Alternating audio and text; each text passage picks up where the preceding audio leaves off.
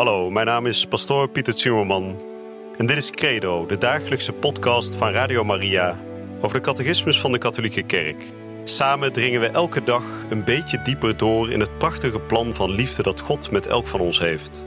Laat je inspireren en ga met ons mee op deze avontuurlijke reis door het geloof.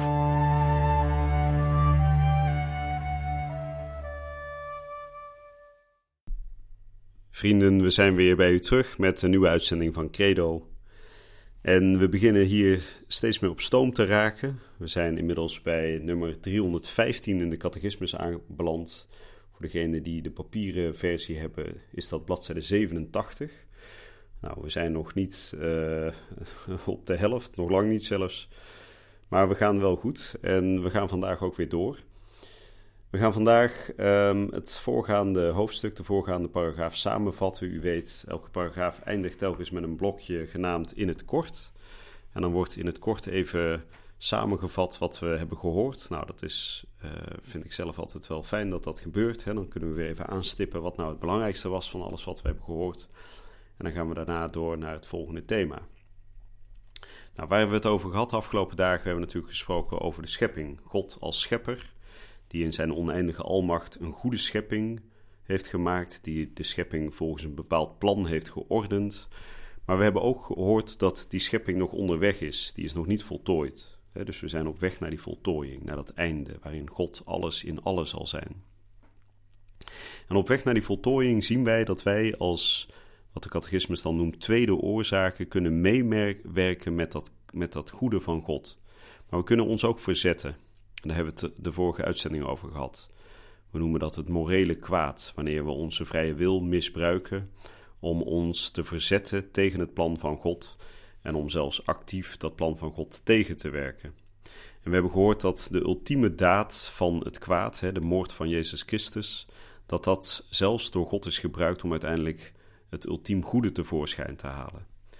Dus we hebben er ook over gesproken dat God kwaad kan toestaan. Hij wil het niet, maar hij kan het wel toestaan om er een nog groter goed uit tevoorschijn te halen. Nou, we zullen vandaag dus een korte samenvatting horen van de voorgaande paragraaf.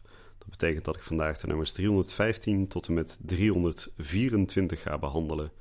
Maar zoals gebruikelijk zal ik eerst weer beginnen met gebed. In de naam van de Vader en de Zoon en de Heilige Geest. Amen. God, u bent oneindig goed, en uit uw oneindige goedheid hebt gij de wereld geschapen. In uw oneindige goedheid hebt gij de mens in het hart van uw schepping geplaatst en hem een vrije wil gegeven. U hebt hem de vrijheid gegeven om in liefde voor u te kiezen als vader, of zich van u af te wenden. De mens toonde bij uitstek de hardheid van zijn hart toen hij uw zoon, Jezus Christus, zoon van de levende God, vermoorde aan het kruis. Maar zelfs uit die vreselijke daad hebt u iets goeds laten ontspruiten, laten voortkomen. U hebt ervoor gezorgd dat deze kruisdood teken van hoop en van hel werd. Heer Jezus maakt dat wij langs de weg van het kruis ook onze eigen wil laten kruisigen en niet onze persoonlijke wil doen, maar uw wil doen die weet wat goed voor ons is. Amen. En ik lees voor de nummers 315 tot en met 324. In het kort.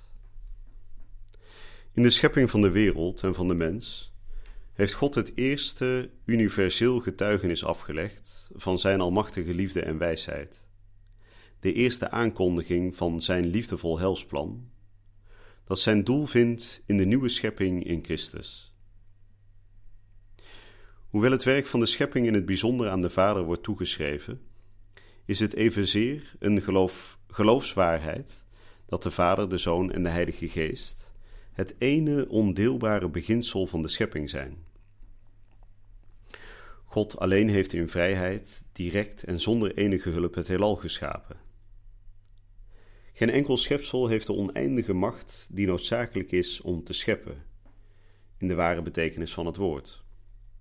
Dat wil zeggen het zijn voor te brengen en dit te geven aan wie het in het geheel niet bezat. uit het niet tot het bestaan te roepen. God heeft de wereld geschapen om zijn heerlijkheid te manifesteren en mee te delen. Dat zijn schepselen deel hebben aan zijn waarheid, goedheid en schoonheid. Dat is de heerlijkheid waartoe God hen geschapen heeft. God, die het heelal geschapen heeft, laat dit voortbestaan door zijn woord. De Zoon, die alles in stand houdt door zijn machtig woord. En door zijn scheppende geest, die het leven geeft. De goddelijke voorzienigheid bestaat uit de beschikkingen waardoor God met wijsheid en liefde al de schepselen naar hun uiteindelijk doel leidt. Christus nodigt ons uit als kinderen ons over te geven aan de voorzienigheid van onze Hemelse Vader. En de apostel Petrus herhaalt: Schuift alle zorgen op Hem af, want Hij heeft zorg voor u. De goddelijke voorzienigheid is ook werkzaam in het, in het handelen van de schepselen. God geeft aan de menselijke wezens de mogelijkheid in vrijheid mee te werken aan zijn helsbeschikkingen. Het feit dat God het fysieke kwaad en het morele kwaad toelaat, is een mysterie dat God opheldert door zijn Zoon Jezus Christus, gestorven en verrezen om het kwaad te overwinnen. Het geloof schenkt ons de zekerheid dat God nooit het kwaad zou toelaten, als Hij niet het goede uit het kwaad zelf zou laten voortkomen langs wegen die wij pas in het eeuwige leven ten volle zullen kennen. Nou, dat waren de nummers 315 tot en met 324. En daar werd weer even in een paar korte woorden samengevat wat we, wat we de afgelopen dagen hebben behandeld. Ja, een belangrijk punt om nog even opnieuw aan te halen, natuurlijk, God is schepper, hè, daar hebben we het uitgebreid over gehad. En als wij de geloofsbeleidenis bidden, dan bidden we vooral ehm, tot God de Vader als schepper van alles wat er bestaat, tot God de Zoon als verlosser hè, en tot God de Heilige Geest als voltooier. Hè. God de Vader is primair de schepper, hè. de Zoon brengt het verlossend handelen tot stand aan het kruis en door alle wonderen die hij verricht, door het woord dat hij brengt. En de Heilige Geest is degene die de kerk blijft bezielen. Maar dat neemt niet weg dat ook de Zoon en de Geest medeschepper zijn. dus als we kijken naar de Vader, dan is hij met name de schepper. En als we kijken naar de Zoon, is hij met name de verlosser. En als we kijken naar de Heilige Geest, is hij met name de voltooier. Maar uiteindelijk hebben ze, omdat ze alle drie natuurlijk dezelfde God zijn, hebben ze ook overlap, zou je kunnen zeggen. dus de Zoon is ook schepper en de Heilige Geest is ook schepper. Zoals de Vader ook verlosser is. En zoals ook de Vader voltooier is dus in die drie personen van de drie-eenheid zijn er onderscheiden functies tussen aanhalingstekens. Maar die onderscheiden functies nemen niet weg dat er ook een bepaalde overlap bestaat. Hè?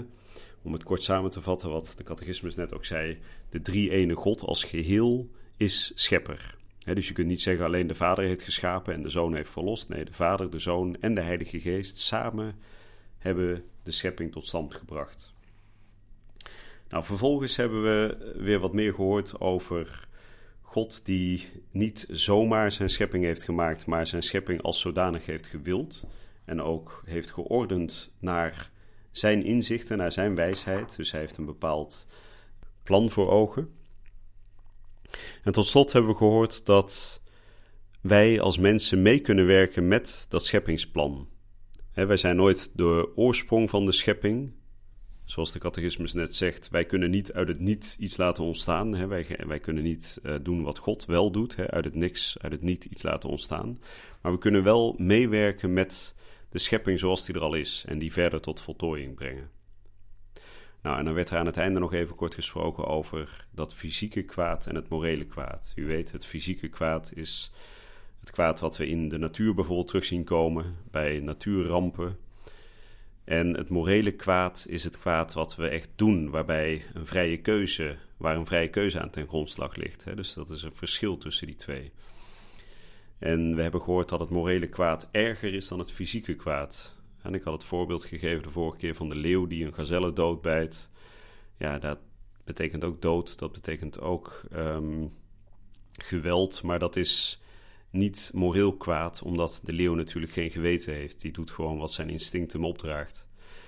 Bij mensen is dat anders. En bij de engelen is dat ook anders. Hè? Dus alleen de engelen en de mensen zijn um, morele wezens die vanuit hun vrije wil en vanuit hun geweten keuzes kunnen maken. Nou, en dan besloot de catechismus net te zeggen dat God nooit kwaad zou toelaten als hij er niet een nog groter goed uit de voorschijn zou halen. En dat is een mysterie wat we nooit helemaal hier op aarde zullen begrijpen, maar pas als we in het eeuwig leven volledig bij Hem zullen zijn. Nou, we zijn weer rond. Voor vandaag hebben we genoeg besproken wat mij betreft. We moeten het natuurlijk in uh, behapbare uh, brokjes uh, tot ons nemen, die dikke catechismus. Maar we zijn goed bezig en we zullen bij de volgende uitzending hierop doorgaan. En dan gaan we spreken over God als schepper van hemel en aarde. Ik wens u een hele goede en gezegende dag toe. Je luisterde naar Credo, de dagelijkse podcast van Radio Maria over de catechismus van de Katholieke Kerk. Credo is iedere werkdag te beluisteren op Radio Maria. Maar je kunt de afleveringen ook in je eigen tempo terugluisteren op onze website, in de app of op Spotify en de andere platforms. Via de website radiomaria.nl vind je dagelijks de link om de bijbehorende teksten uit de catechismus mee of terug te lezen. We zijn erg dankbaar voor alle giften die wij mogen ontvangen. Daardoor kunnen we ons goede werk blijven doen. Draag je ook bij aan deze missie?